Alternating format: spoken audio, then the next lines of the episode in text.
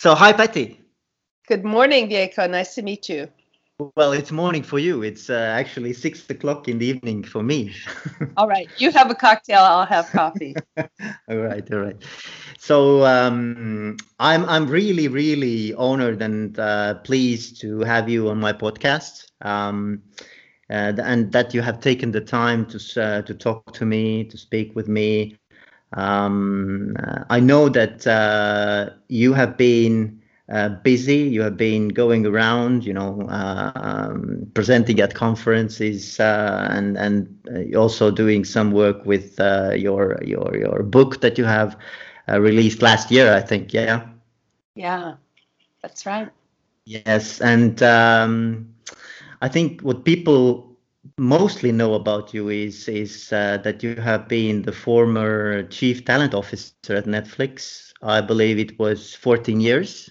It was 14 years. It was such an exciting ride. I um, I tell people that by the time I got to Netflix, I be I was pretty much a serial entrepreneur. I really like startups, and so at Netflix I was there for 14 years. But I got yeah. to I got to be involved in three different startups. The first one was could we come up with a business model before we ran out of money that would actually make money? So that took about four years.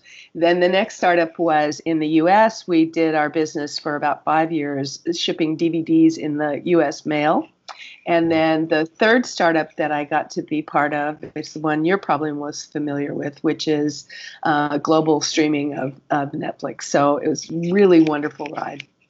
And I know that uh, you were involved with Reed Hastings, who is is the CEO at the moment, uh, and and has been from the start. But but uh, you have been involved with him in the previous startup as well, right?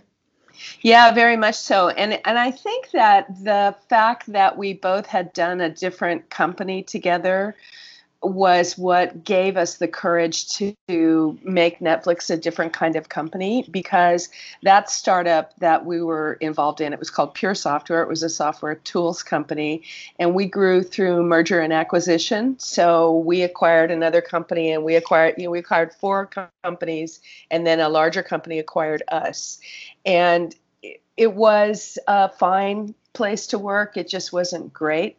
So it gave us the courage when we came together to do Netflix to say, why don't we try and do it different this time? I mean, this is how he talked me into coming to Netflix. He said, what if we could create a company that over a time we still was successful and we still wanted to work there? So I said yeah. to him, you know, I said, well, how would you know? right? What would, how would you know that we had that kind of company? And he said, Oh, I'd walk in the door and I'd want to solve these problems with these people.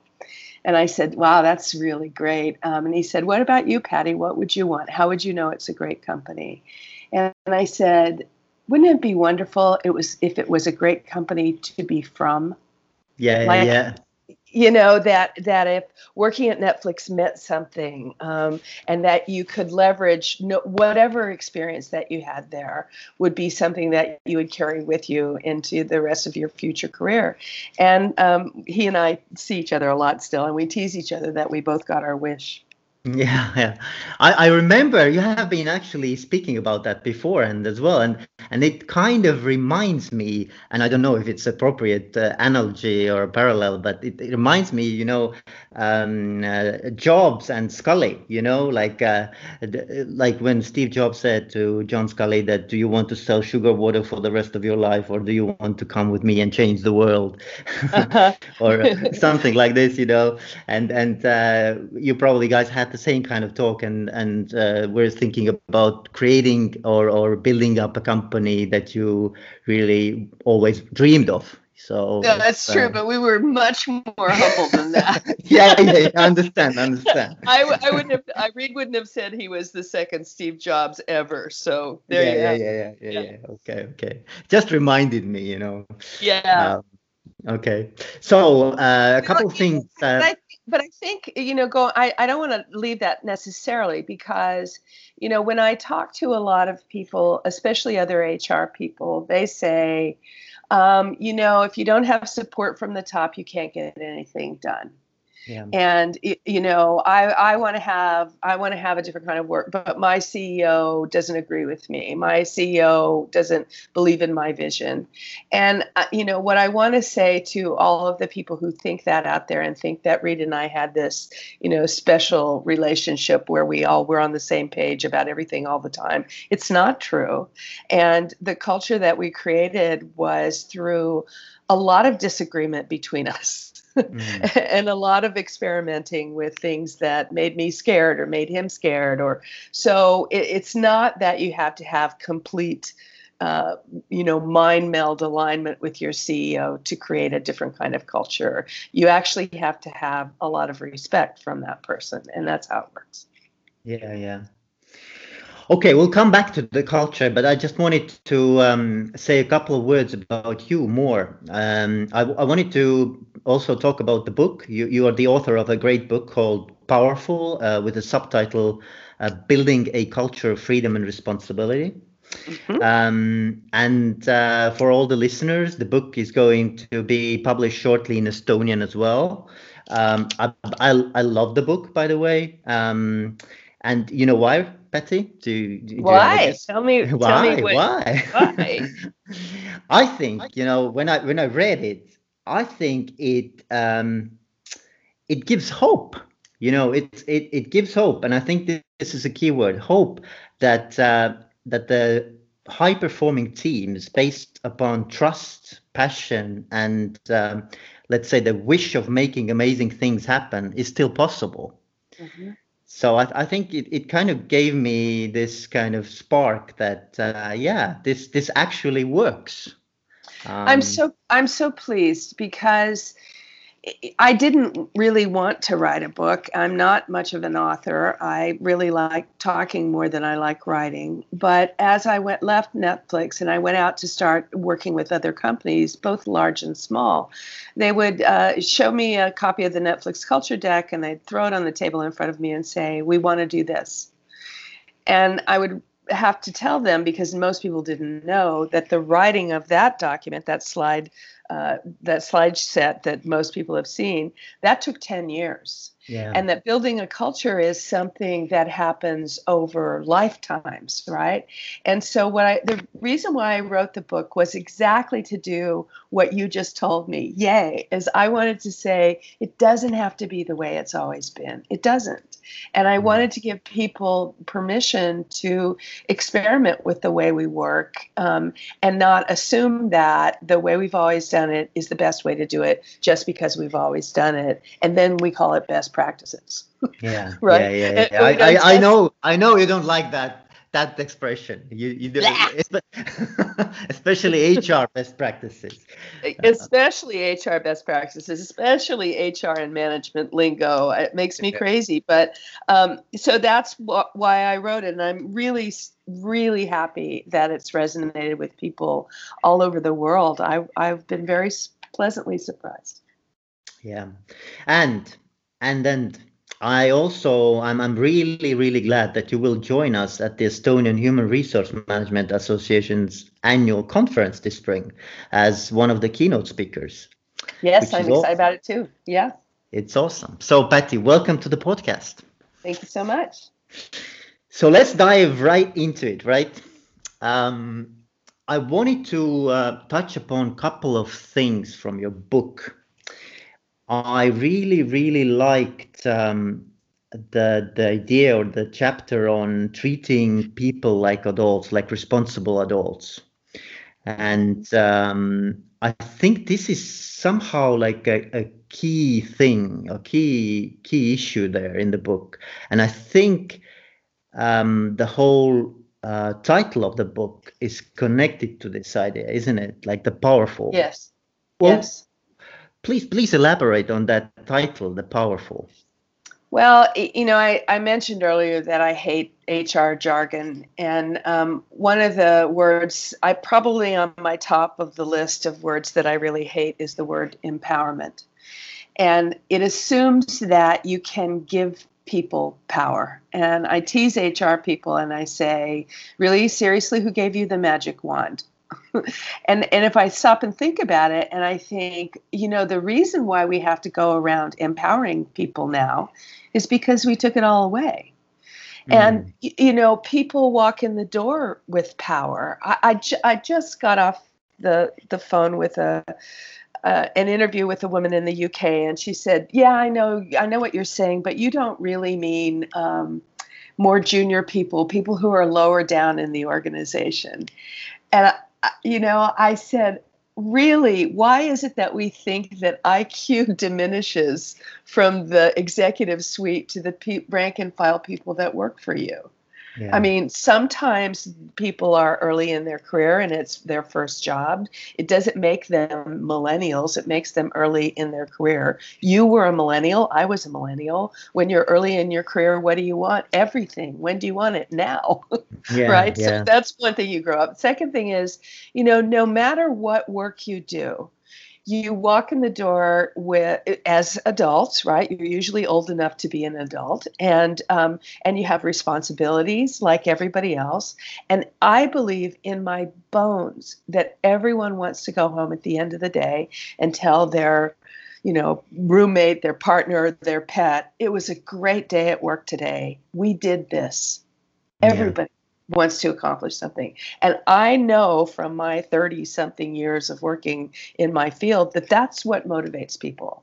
And and so if we start by the premise that everybody walking in the door has power and is an adult who can reason and we insist that they act like an adult with power who can reason, then the world changes a lot right? Yeah, so yeah. Then, then everything changes because what happens is we take these fully formed adults who walk in the door with power, and then we we surround them with all these rules and guidelines and permissions that treat them like children, and then we're surprised when they act like that. Yeah, yeah. So basically, what you're saying is that that uh, we need to empower people because we have actually taken that power away beforehand, right? Yeah, I mean, I would say it differently. I would say we need to give them back the power they already have. Okay. Okay. Yeah. yeah, right? yeah, I mean, yeah. They, they already. We need to, or said differently, we need to stop giving it, taking it away at every turn, and yes. we need to start looking at our organizations and every single piece of the structure inside of our organizations and ask ourselves, why is it that we do this this way? And if we mm. had, and what problem are we trying to solve? And if we were trying to solve that problem starting from scratch, would we come up with this method?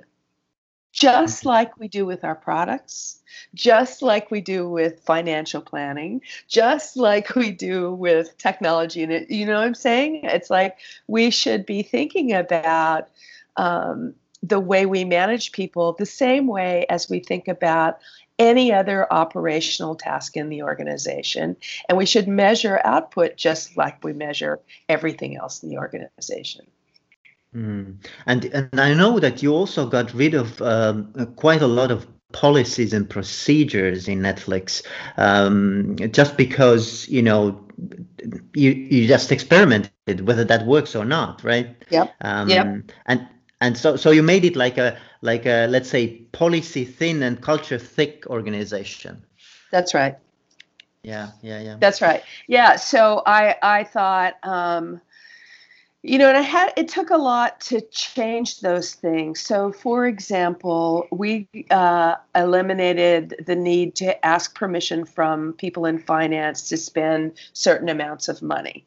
I mean most organizations have if you spend over x amount you have to get you know approval from your finance organization to go outside of your budget let's say mm-hmm. and mm-hmm. what i did was rather than have people in the finance organization who knew nothing about what different organizations were spending instead of having them be the people that quote approved and haven't you noticed that the people who are in charge of approving things they get their power from saying no yeah, yeah, right yeah. it's like you know it's it's your job to approve things so you but you get to be the one that doesn't approve them and that's where the power comes from and that just seems silly to me and so what i had to do over time was replace the the job of those people to say no to be people who were embedded inside of the organizations and who understand what the expenditures were and were able to make trade-offs within those departmental budgets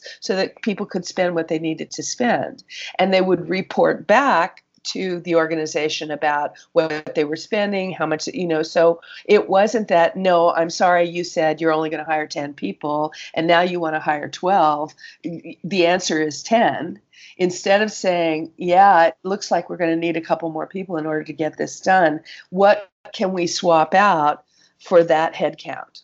Right? Yeah. Can, Yeah. how do we how do we make those uh, those changes in amongst ourselves because we all work for the same company not just for this department and so that that's an example of a quote policy change the policy change was easy to make the changing all of the systems around it and people's attitudes about it took years Yeah, yeah, yeah.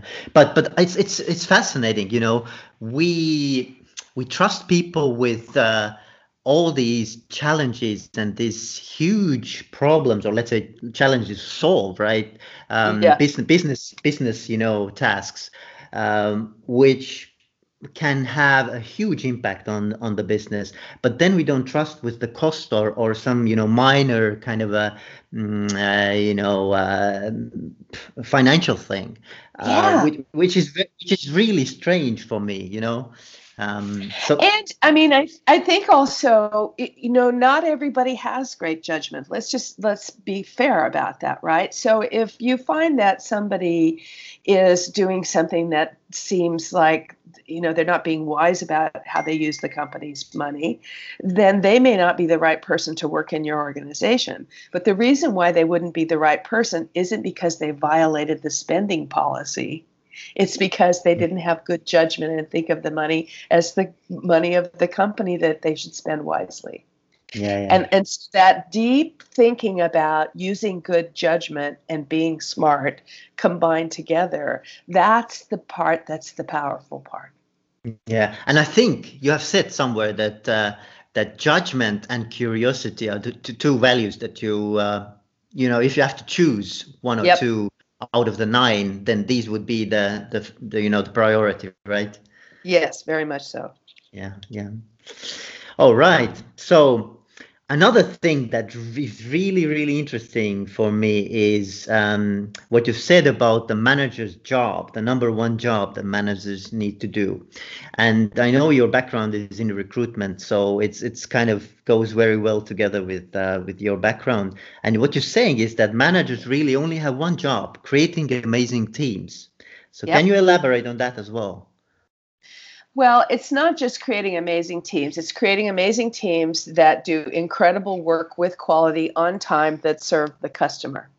Okay. so there there's all the there's all the qualifiers there but you know I- i'll give you an example i used to say to my hr team yes we are a service organization but it's not spelled in english S E R V A N T S. we're not servants Mm. and the people that we serve don't work here. The people that we serve are our customers. So it's our job to make sure that all around the company, people are putting together teams that can make amazing products for our customers. Partly, you know, because Netflix is a subscription business. Um, how Netflix makes money is that you keep coming back because you think it's wonderful. So it has to get keep being wonderful all the time. You never figure it out. And so those teams, the ability for managers to create great teams that do amazing work, then when you you say that's the role of management, not making sure that you keep everybody employed for life, not making sure that everybody gets a career path, not that you're going to do all the hard work for a manager because they want to work on technical stuff and not that weird touchy-feely stuff Yeah, you know if you and they start to think of themselves as coaches of fabulous teams now our relationship changes now as an hr person i'm bringing to you the expertise in finding great talent for your team right Mm. i'm not your recruiter who delivers to you resumes right? I'm your partner in finding the talented people that will make your team able to deliver fabulous stuff, right? So it's a lot of what I talk about is changing the framing of how we think about these things. And yeah. so you know, so when a manager would come to me, a new manager, and say, Yeah, I was wondering, my team's morale is low, and I was wondering what you had here in HR for me to help with team building. And I would say, Right, that's why we hired you to build a great team. they say, and I and they'd be like, "What?" I'm like, "Do you you mean you want you want to do an offsite to make people happier?" Yeah, that's what I was hoping. I'm like, "It's not my team. It's your team. Yeah, yeah, yeah. Yeah, yeah, right. Yeah, yeah. So, so forget about trying to cure the unhappiness. What's creating the unhappiness? Mm, yeah, right. and I know that you don't like those chief happiness officer titles as well.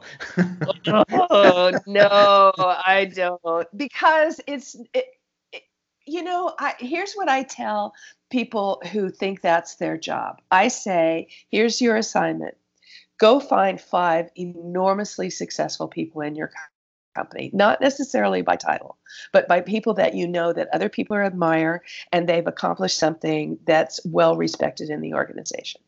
And ask each of those five people to tell you about that experience. Don't judge them, just ask them to tell you about it. And I'm telling you that 100% of the time, those stories will be about things that were hard yeah, yeah, yeah. Right? They're going to be about, oh man, we didn't think we could, and we weren't really sure if we knew how, and we had this terrible deadline, and we worked really hard, and we did it. Those mm-hmm. will be the stories that happen. Oh, they're not going to be, oh my God, you know, we were at this cocktail making class. yeah, yes. Or picnic eating or whatever. Cho- or eating chocolate, and it was so fun. yeah, yeah, I, mean, I understand. Yeah, it's, not, yeah. it's not that those aren't great memories. It's that what gives us hap- what what makes us feel accomplished is accomplishing stuff. Yeah, yeah, yeah, yeah. So, solving solving hard problems and and challenges. Yeah, and the other and back to the the example that I gave you, the problem with being the chief happiness officer is is it your job to make unhappy people happy? Like without knowing what's making them unhappy in the first place? Yeah, yeah. I understand. I th- I think you I think you're right. I mean, um, that if if you get if you put together uh, the right challenge, um, the right skills, and you know the passion or motivation, I mean, this is the this is the formula for uh, success, isn't it? I mean, at, at least it's been for for me, and I, I mean, and I mean very personally. I um, you know, b- being with the company from its very beginning to an incredible accomplishment that Netflix is today. I mean, it's my proudest achievement in my life. I mean, other yeah. than the kids, but you know, it's it's incredible to have been part of that, and I still feel part of it, uh, even though I've been gone for so long. And I spend a lot of time with Netflix alumni now, and they'll tell you the same thing right? Mm. That that that experience really made the rest of my working life more valuable because I learned a different way to think about it. Yeah, yeah, yeah. And I, you know, I recently um, uh, recently heard uh, Reed Hastings say that his perfect quarter is when he doesn't have to do a single major decision. So it's like I know I love that. You know, so, yes. So so it's it's almost like he would be able to run the company without having to really interfere into its operations too much, right? And here's what's fascinating about that quote. Um, that was a Reed did a TED talk, uh, and that was in his TED talk. What's fascinating about that quote is I've known Reed for so long that when he was early in his career and early as you know early in his experience with management he was very much a micromanager. He mm. was the person that was always in everybody's you know business and he was always telling people what to do. And i remember being frustrated with him you know back in the first company saying then why am i hiring all these smart people if you're going to do everybody's work Yeah, yeah, yeah, yeah. you know, you you can't do this alone. So the other thing I want to tell people is that everybody changes over time and everybody adjusts to their increasing responsibility and their increasing ability to be a great leader. And the thing I liked most about working with Reed was he worked at it all the time. Mm-hmm. And he mm-hmm. and he still does. And so what he's really saying with that quote is I am so proud that I've surrounded myself with such capable people.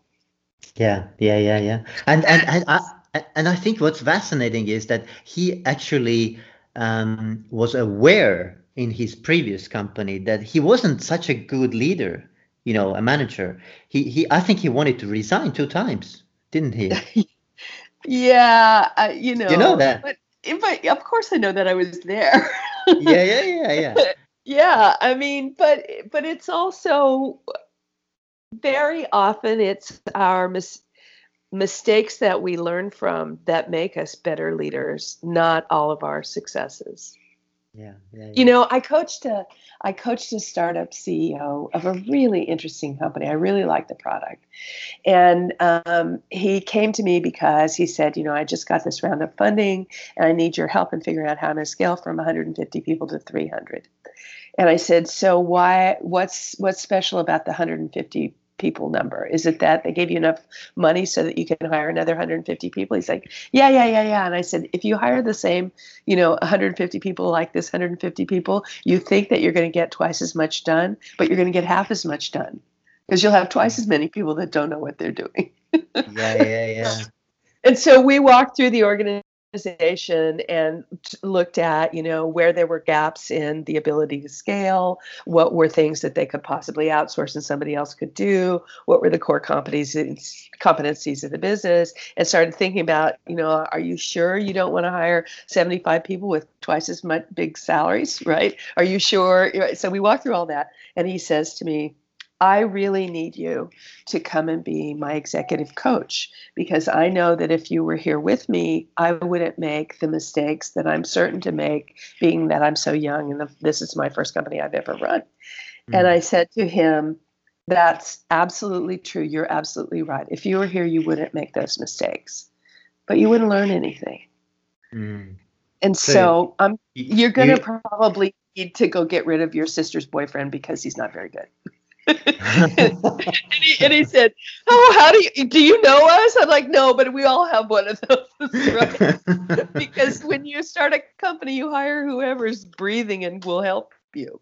Yeah, yeah, yeah, yeah. So, so what you're saying is that you actually need to have that uh, um, trial and error experience yourself. Very much so. I, yeah. I think, don't you? I mean, if you look at a lot of the things you learn are like, "Ooh, boy, that was bad, right? Especially in the way um, that we treat each other and talk to each other. Mm. You know, I get a lot of, um, I have a lot of people tell me that when they meet me in person, they're surprised how nice I am. Because I talk so much about saying goodbye to people, they assume that I'm heartless, and uh, you know I just live to tell people that they should fire other people. Yeah, yeah. And um, and I say, and they're like how you're so good at giving feedback. How did you get so good at giving feedback? And i tell them well i practice. You know and if your feedback mechanism in your company is the annual performance review then name one other thing you do once a year in your life that you're good at. Mm. That, that's a good nothing. point. Yeah that's a good point. Nothing right and so when how you get better at giving people both positive and negative feedback is you do it. Mm-hmm. Yeah, yeah, yeah, yeah. That's so you're talking also about like giving feedback in that very moment, right? Giving feedback oh, instantly. Very much so. I, very much so. I mean, that's my that's my nirvana situation. yeah. my my my happiest situation is when we're in the meeting and I can say to you, Beko, we're about to make a decision here and you haven't said anything and for the last couple of months you've been telling me how much you disagree with this. So, did we change your mind here? Mm, yeah. Right? Because um, I, we we're not going to talk about how you disagree with it when we leave here because you know that we're about to make a decision right? And so uh, that's how i tell people that's what i'd love to be able to see and to have you say actually patty here was my thinking and here's how you've changed my mind. And i could say next time could you bring that up when we open the meeting and not when we close it? Mm. yeah yeah yeah. And, and and and that exchange between you and me uh, is an example to everybody else in the meeting that um, you should probably come prepared to speak up and, and have your opinion, right? That's what we've just taught everybody with that exchange. My, yeah. you know, I'm okay if I wait, you know, if, if you can't do that, you wait till after the meeting and I go, dude, what, you, what were you doing in there? I mean, you know, how can we disagree with you or agree with you when you don't speak? right? Yeah. Um, or yeah. I might have to say to somebody, I know it's very difficult for you to speak, so let's practice how you can articulate your perspective on this situation. And I can also go back and coach whoever's running the meeting to say, you know, have you noticed that there are five people that come to this meeting every week who don't say anything? So yeah, that's an interesting point, Patty. That's an interesting yeah. point because you know the, the, the, there was a study with these Google teams um, and one, one of the uh, characteristics or features of a high performing team, what they what they kind of um, uh, you know got as a, as a as an outcome of that study was that, that um, on high performing teams, all of the people on the team get um, you know more or less the same share of voice during the meetings. Yep. yep. Which is very so, interesting yeah so i mean if you if you just let's take that as a good tip to run with from this blog post if you go to all the meetings that you go to from here on out after you listen to this and you pay attention to who's speaking and who's not then there's two things to pay attention to, to uh, those people that are attending that aren't speaking do they even need to be there yeah, yeah, yeah. Right. And if um, only one person's speaking, then that person can probably be typing in an email might be better than wasting everybody's time. Yes. Secondly, it does the leader of the meeting uh, look around and notice that nobody's speaking and say, "Hey Hans, um, can you give me your perspective on this?" Mm-hmm, mm-hmm. What do you yes. think we should do? If what if you were me and you were making this decision? Two questions. Um, what would you do if you were me? And the second, which is a more important question, is what information would I need to have? What do you think I need to have to make a great decision? So mm-hmm. we can we can teach team members how to be better team members by modeling that behavior. Yes, yes, yes. So, so you know, sometimes it takes being that meeting participant who has the courage to go to the leader and say, you know, I've been going to this meeting for six months, and honestly, I don't have anything to say. I'm not sure I need to be there.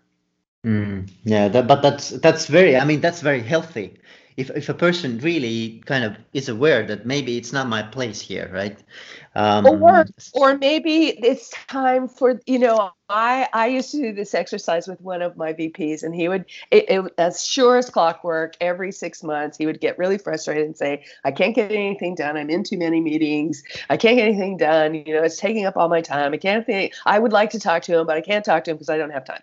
And I would make him print his schedule and I would say on every single thing, what's the purpose of this meeting and why are you in it? Mm-hmm. right. Good. Oh, yeah, well, yeah. that meeting's been going on for five years. I'm like, right. And we've hired somebody under you who's in charge of it now. So you're practic- you're probably in the way in this meeting. And I'd take a big black Sharpie marker and I'd go, cross it out. you know, as we go through the week, he would start to get kind of visibly shaken, and I'm like, "Look there, four hours." Yeah, yeah, yeah, yeah, yeah. yeah. but but that discipline of having to go through that exercise was really, really important. And because we did that, then we could go back to his next team meeting and say, Patty and I did an exercise because I know I haven't been spending a lot of one on one time with you guys. And we just found four hours that I can spend with you. Go find four hours you can spend with your team. Mm-hmm, mm-hmm. Yeah, yeah. Right? That's a, that's so really that, good. Yeah. Yeah. So better than it, you know, that's a really important point I want to make to your listeners, which is if you want to change behavior in your organization, you have to model the change. Mm. So these all these small little things, those little, you know, uh, behavioral um, kind of, um, you know, kind of you know Cues, how, how right. cues Yeah, exactly habits, and and yeah, what you say yeah, and yeah. How how you treat people and what kind of choices you make uh, every every single second so uh, i guess all these little remarks and notes make a big difference I think so. I mean, I used I I refer to my I didn't refer to me as these things when I worked there, but when I look back on my role at Netflix, I sometimes say I was the COO, the Chief Operating Officer of the culture. Mm, yeah which was I had to say, well, if we say we have freedom and responsibility, but we have to ask permission for everything that we do, then is that really freedom and responsibility? right? Are you, are you are you if we give people responsibility are we giving them the responsibility to sometimes not make the right decision and how does that play out, right? Or sometimes I would say I was the chief product officer and my product was the way we operate together as a team. that's really good actually i like that yeah Right. So if you So- think so- about yeah. that as a product, right? Let, let's use the example we just gave. My my product is uh, how we operate effectively as a team. So I think we would operate more effectively if we had a feedback mechanism. My idea is that we're going to give each other feedback once a year, looking backwards on a written performance review. Mhm. Now, if I threw that out in a product meeting as an idea, people would people would say, "Wow, that doesn't sound very effective." yeah it's, it's What- not really effective it? it's not effective at all if that's what it's for right? And that's where you know you have to even step back one step further. Why do we do this exercise? Is it for feedback? Because if so it's not frequent enough. Is it for compensation? Oh okay well then that might be reasonable that once a year we true up compensation but then um, why are we looking at last year's performance to pay you for next year Mm, yeah so th- this is a patty digs into everything yeah yeah yeah yeah i i can see that yeah i can you know, when I worked there, people were like, "Just leave me alone." but you know, I don't know I why we do it. But Betsy, when I read your book, um, do you know this expression or this te- technique called zero-based thinking?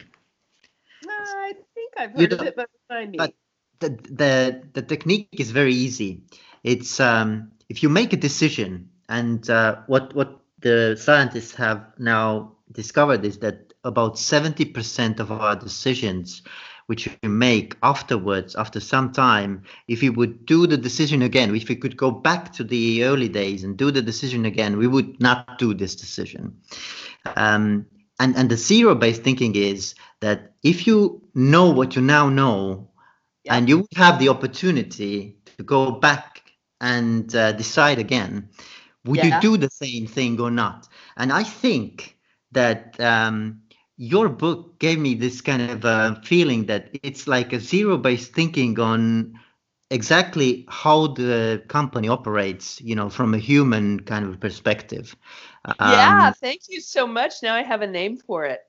it- I'll isn't go it- do some it like this? Isn't, it like this actually? It's absolutely like this. But if you think about it, that's why I use the product metaphor, right? exactly, Because exactly. it's the same thing you would do for your product.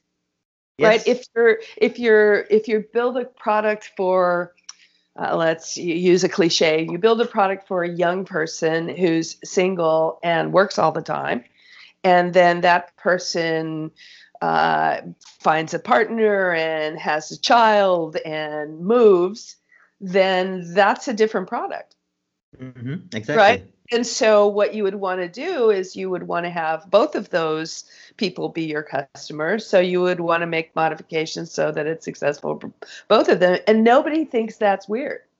Mhm. Nobody, Yeah. nobody says, no, no, no, no, no, no, no. This is the way we've always done it. We, we like that. Those those customers are the only customers we need. We don't need new ones. So thanks a lot for your idea.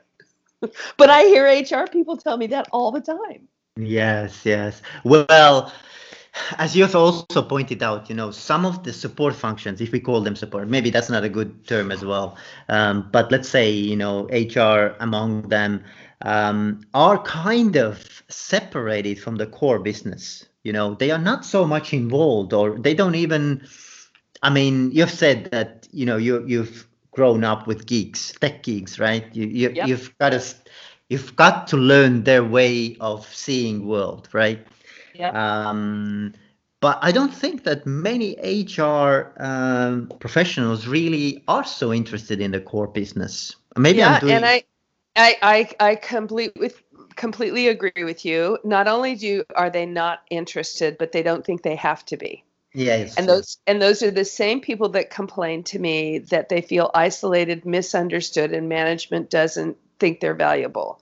And the reason why management doesn't think they're valuable is that in many cases they aren't.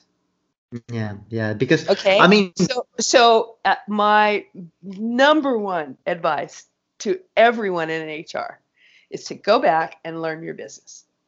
Mm-hmm. You have said that.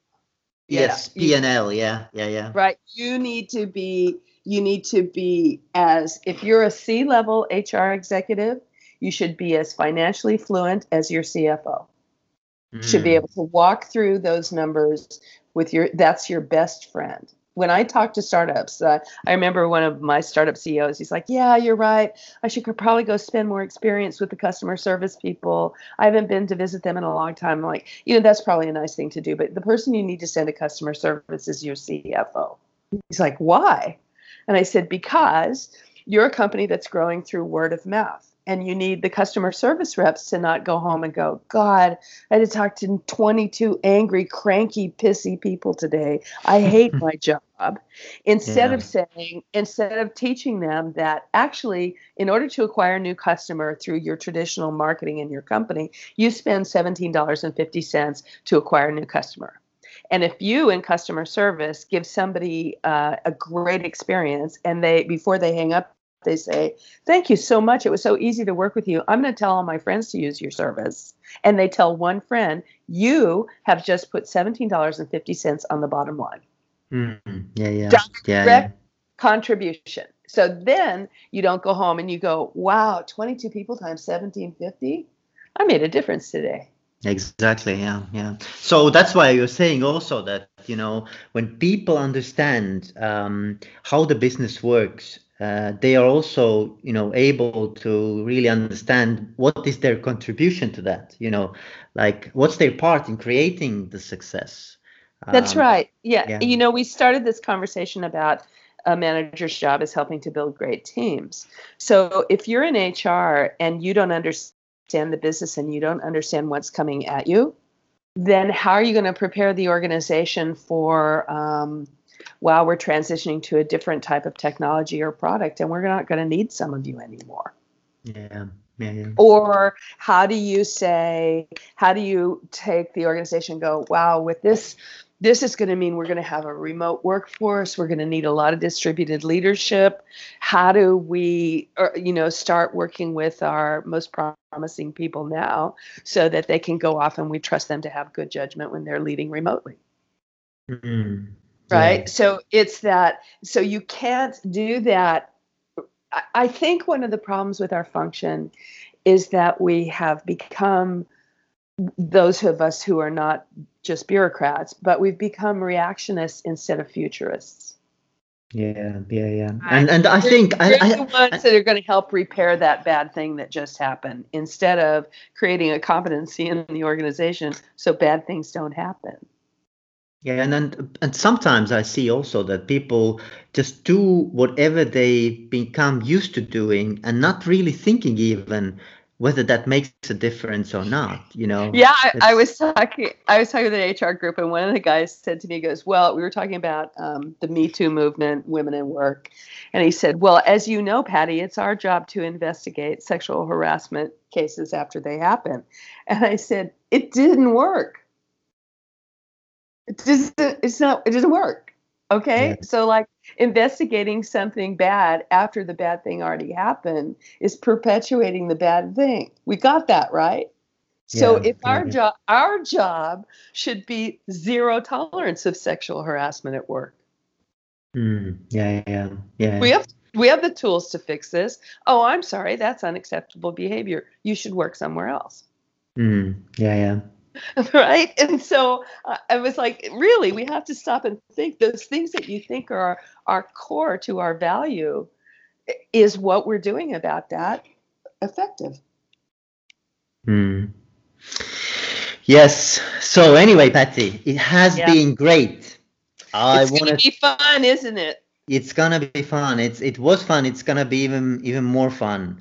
Um, I, I really want to thank you so much for taking the time to speak with me. Um, and maybe just you know want to finish up with this final question.